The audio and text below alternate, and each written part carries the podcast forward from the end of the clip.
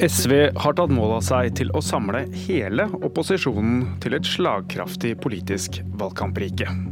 Rødt, MDG, Arbeiderpartiet og Senterpartiet ble i helgen invitert til å delta for å meisle ut politikk for et rød-grønt samlingsprosjekt. Og siden SV-leder Audun Lysbakken ikke har sendt ut noen møteinvitasjoner ennå, så inviterer vi til et kvarter med sonderinger.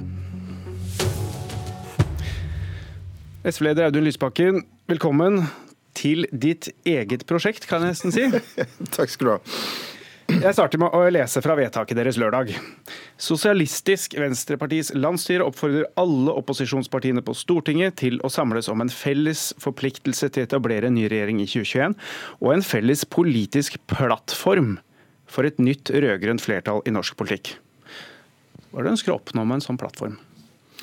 Jeg tenker at uh, Målingen nå tyder på at vi har muligheten til å få et nytt flertall i 2021. og Det er en historisk mulighet til å skape forandring og optimisme i Norge, som jeg er ufattelig opptatt av at vi bruker.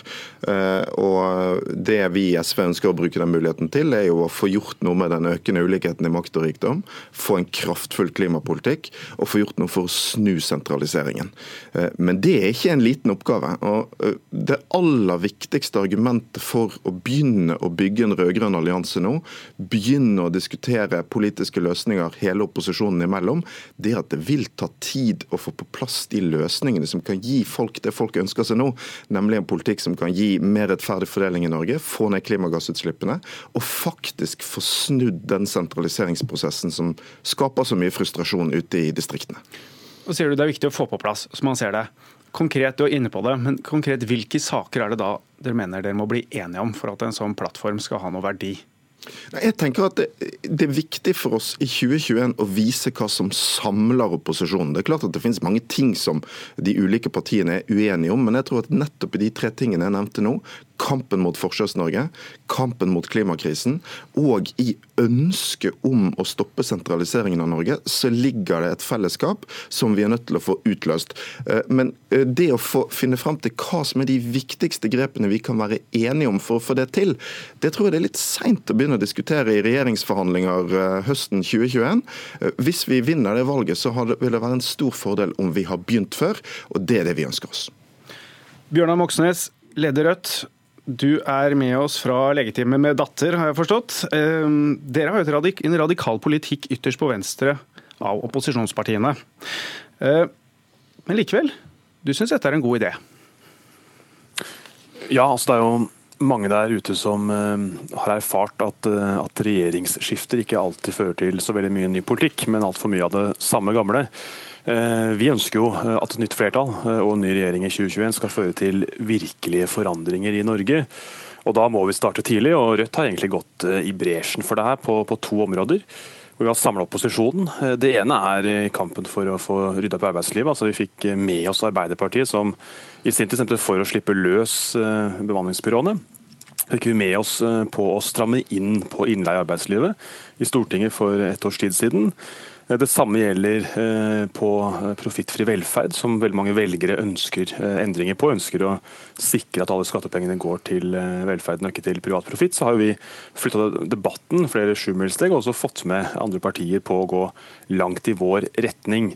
Så hvis målet er å få et regjeringsskifte og et nytt flertall i 2021 som faktisk forandrer Norge, og som innfrir forventningene og det som folk ønsker seg av, av endringer, så er det helt avgjørende at vi eh, starter eh, tidlig på det. At det ikke eh, blir spørsmål som kun avgjøres bak lukka dører i noen regjeringsforhandlinger mellom Støre og, og Vedum og kanskje en til etter valget. Så det er definitivt viktig å starte tidlig for å få til endringene, og ikke minst også for å få med seg de som er engasjert på grasrota ute i fagbevegelsen, hvis de får vite at nå har du sjansen til å komme med forslag eh, til hva som faktisk må endres på i Norge, som kan bli et nytt flertallspolitikk. Det vil jo skape eh, veldig mye engasjement og mobilisering for eh, nytt flertall. Det er helt avgjørende også for å vinne valget, tror jeg. Vi flytter oss noen sjumilssteg, som du er inne på, og til din frykt for en Ap-Senterparti-allianse og Trøndelag. Der sitter Marit Arnstad, parlamentarisk leder i Senterpartiet. Du er ikke så positiv, men er det ikke litt ryddig overfor velgerne å synliggjøre hva slags politikk de får hvis de stemmer fram en ny regjering?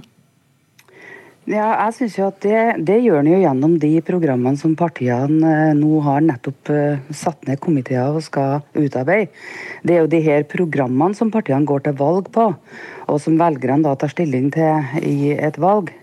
Uh, å lage en plattform oppå det synes Senterpartiet er unødvendig.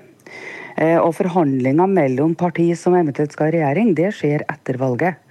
Eh, men valgresultatet og velgerne sin dom det handler jo om de partiprogrammene som, får, som partiene nå er i ferd med å utarbeide. Det andre er jo at eh, altså, det er ikke aktuelt for Senterpartiet å inn, lage noen plattform med parti som en ikke har, gå, har, tenkt å gå i regjering med. Senterpartiet har jo sagt ifra at vi syns ikke det er aktuelt å gå i regjering med MDG. Rødt og SV har jo sagt at de ikke har bestemt seg for om de skal i regjering. Eh, og det har jeg all respekt for at de trenger tida til å tenke på. Men, eh, men å, gå, å, inngå en plattform med noen du ikke skal i regjering med, det vil jo bli å lage en slags samarbeidsavtale med partiet du ikke skal regjere sammen med. Og det syns jeg er uh, unaturlig. Det er et fremmedelement i norsk politikk. Dere er nå minst like store som eh, SV, Rødt og MDG til sammen på målingene. Er det det at dere er blitt så svære at dere har ikke lyst til å sette dere ned ved bordet, for dere vil vente på valget å vise styrken deres da, og få gjennom noe helt annet hvor dere ikke trenger å forholde dere til dem i det hele tatt? Er det det, dere tenker? Nei, altså vi samarbeider jo med SV og også Rødt eh, om saker i Stortinget. Eh, men vi er opptatt av realpolitikken. Eh, og realpolitikken i Norge den er jo sånn at når du har flertallsregjeringa, så har de et flertall. Når det er mindretallsregjeringa, så regjerer de på et vekslende flertall. Det gjorde Arbeiderpartiet gjennom hele 90-tallet. Det gjorde sentrumsregjeringa, og det gjorde også Bondevik II-regjeringa fram til 2005. Eh, og Sånn er på en måte de realpolitiske forholdene i Norge, og dem mener Senterpartiet at det er fornuftig å forholde seg til. Audun Lysbakken, eh, ikke noe sånn veldig varm mottagelse fra Senterpartiet, men vi går, går løs på det du starta med. At du vil se på plattformen og de viktige sakene. Og så tar vi en liten politisk test på et par veldig viktige saker for dere. Først miljø. Nå har dere lagt fram de alternative budsjettene deres. Dere vil ha et greit påslag i bensinavgiften. Det vil Rødt også ha. Og Senterpartiet vil senke den. Hvor skal dere ende opp da? Vi skal ende opp med en klimapolitikk som både kutter utslipp, og som samtidig tar sosiale og distriktsmessige hensyn. Uh, og, altså, altså, det er jo ingen problem å sette seg ned og peke på saker hvor de her fem partiene er uenige. Dette er, det er ganske sentralt. Men, Dere skal meisle ut en miljøpolitikk. Jo, jo, men, men sant, poenget er at for det første er det veldig mange ting vi er enige om også. Og for det andre så er det ikke alltid at de uenighetene er så store som de ser ut. Ta f.eks. det her med miljøavgiftene. Sant? Det er jo ikke sånn at vi på venstresiden heller er ute etter et økt samlet skatte- og avgiftsnivå for folk med vanlige inntekter. Tvert imot, hvis du ser nærmere på de budsjettene, så er det altså sånn at eh, Senterpartiet har sin løsning med lavere bensinavgift. Den løsningen er ikke vi for, men vi har noe vi kaller grønn folkebonus, som sørger for at penger går tilbake til folk, sånn at folk med vanlige inntekter ikke skal komme dårligere ut. Så her er det mange ting vi kan diskutere. Marit Arnstad har helt rett i at det vi foreslår vil være nyskapende, men det er lurt å være nyskapende av og til. Og særlig fordi de utfordringene vi står overfor, f.eks. når det gjelder å både føre en klimapolitikk som kan få utslippene ned, og som samtidig tar sosiale og geografiske hensyn, er så store at vi bør begynne å diskutere de sammen. Og så syns jeg Bjørnar Moxnes hadde et veldig viktig poeng, fordi jeg har tenkt ganske mye på 2005 i det siste. Det som skjedde før 2005, var at det at det fantes en rød-grønn allianse, gjorde at det ble utløst masse entusiasme på det du kan kalle den rød-grønne grasroten. I fagbevegelsen, i miljøbevegelsen, i bondeorganisasjonene. Alle kom med sine krav. og det var med på å gjøre Soria Moria til en radikal forandringsplattform. Jeg er redd for at det samme ikke skjer nå. og du ser allerede Det initiativet vi tok i helgen har utløst den typen entusiasme. Eh, to av de største forbundene i LO er ute i dag, Fagforbundet og Handel og Kontor, og støtter denne planen. Vi trenger den bevegelsen nedenfra nå for å få utviklet den radikale politikken som skal til for å forandre Norge etter 2021, for å nå de målene som både jeg og Bjørnar og Marit eh, tror jeg deler, eh, om å få til forandring bort fra den kursen landet er på nå. Marit Arnstad, er det så farlig å sette seg ved bordet? Ja, men altså, Hvis vi skal bruke 2005 som eksempel, da, så er det jo sånn at Soria Moria ble jo forhandla etter valget. Etter at velgerne har sagt sitt i valget. Det ble jo ikke forhandla ett og et halvt, nesten to år før neste stortingsvalg. Eh, og Det mener jeg var klokt og riktig. Eh, og det var jo også sånn at Partienes landsmøter i 2005 behandla jo de her spørsmålene her før du i hele tatt hadde noen form for felles erklæringer. Nå er vi nesten to år før det. Eh, og da syns jeg det blir rart å begynne å snakke om den type konstellasjoner og samarbeid. Det, jeg syns vi skal konsentrere oss om sakene i Stortinget, og der er det mange saker å ta fatt i som vi alle i hop bør være opptatt av. Hvis vi tar en annen sak, da, siden du er inne på det. Eh, asyl og innvandring, Senterpartiet. Dere vil senke antall kvoteflyktninger fra regjeringens 3000 til 2000. Rødt og SV, dere vil øke til 5000. Hva skal man bli enige om da, Moxnes? Nei, det, er saker hvor vi ikke kommer til å uh, avklare alt før valget. Uh, og Rødt skal heller ikke inn i noen regjering i 2021, men vi skal bidra på det rød-grønne laget til å få et nytt flertall uh, for en ny politikk, der vi er enige på de viktigste områdene. Jeg tror det kan bli vanskelig på asylpolitikken med Arbeiderpartiet og Senterpartiet på andre sida. Men når det kommer til en politikk som f.eks. Eh, både kan eh, forene klimaaktivistene med industriarbeiderne eh, på Vestlandet. altså Få en miljøpolitikk som sikrer både arbeidsplasser og nødvendig utslippskutt. Så, synes jeg at Både Arbeiderpartiet, Senterpartiet, MDG, Rødt og SV har jo ulike planer som går i samme retningen for å få en kraftfull ny miljø- og klimapolitikk. Og Hvis vi ikke snakker sammen før det valget, så er jeg redd for at veldig mye blir som det samme etterpå. Eh, for da vil det bli opp til eh, forhandlinger bak lukka dører med noen få eh, toppfolk et par uker i september og oktober 2021.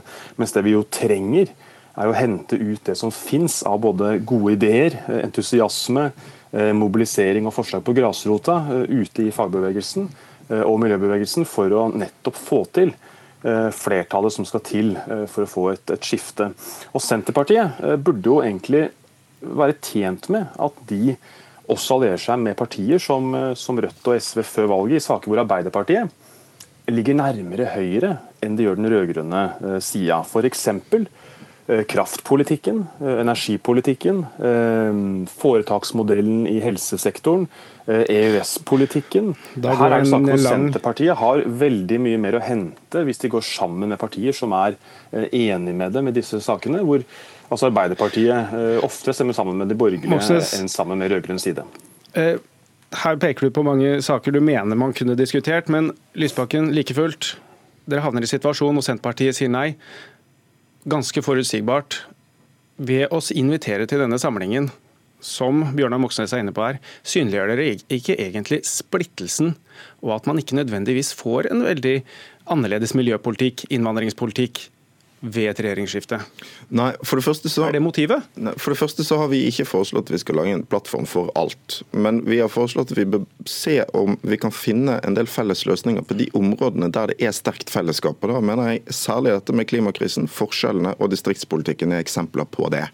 For det andre så har jo, eh, mener jeg, det initiativet vi har tatt i eh, helgen blitt veldig positivt tatt imot. Det har blitt positivt tatt imot av Rødt, det har blitt positivt tatt imot konstruktivt, syns jeg, av eh, Arbeiderpartiet. Og et parti som jo får en veldig veldig tydelig utfordring her, eh, nemlig MDG, som vi utfordrer til å forlate blokkuavhengigheten, har jo også tatt imot dette synes jeg, på en konstruktiv måte, selv om de selvfølgelig trenger tid. Denne ideen trenger tid til å modnes.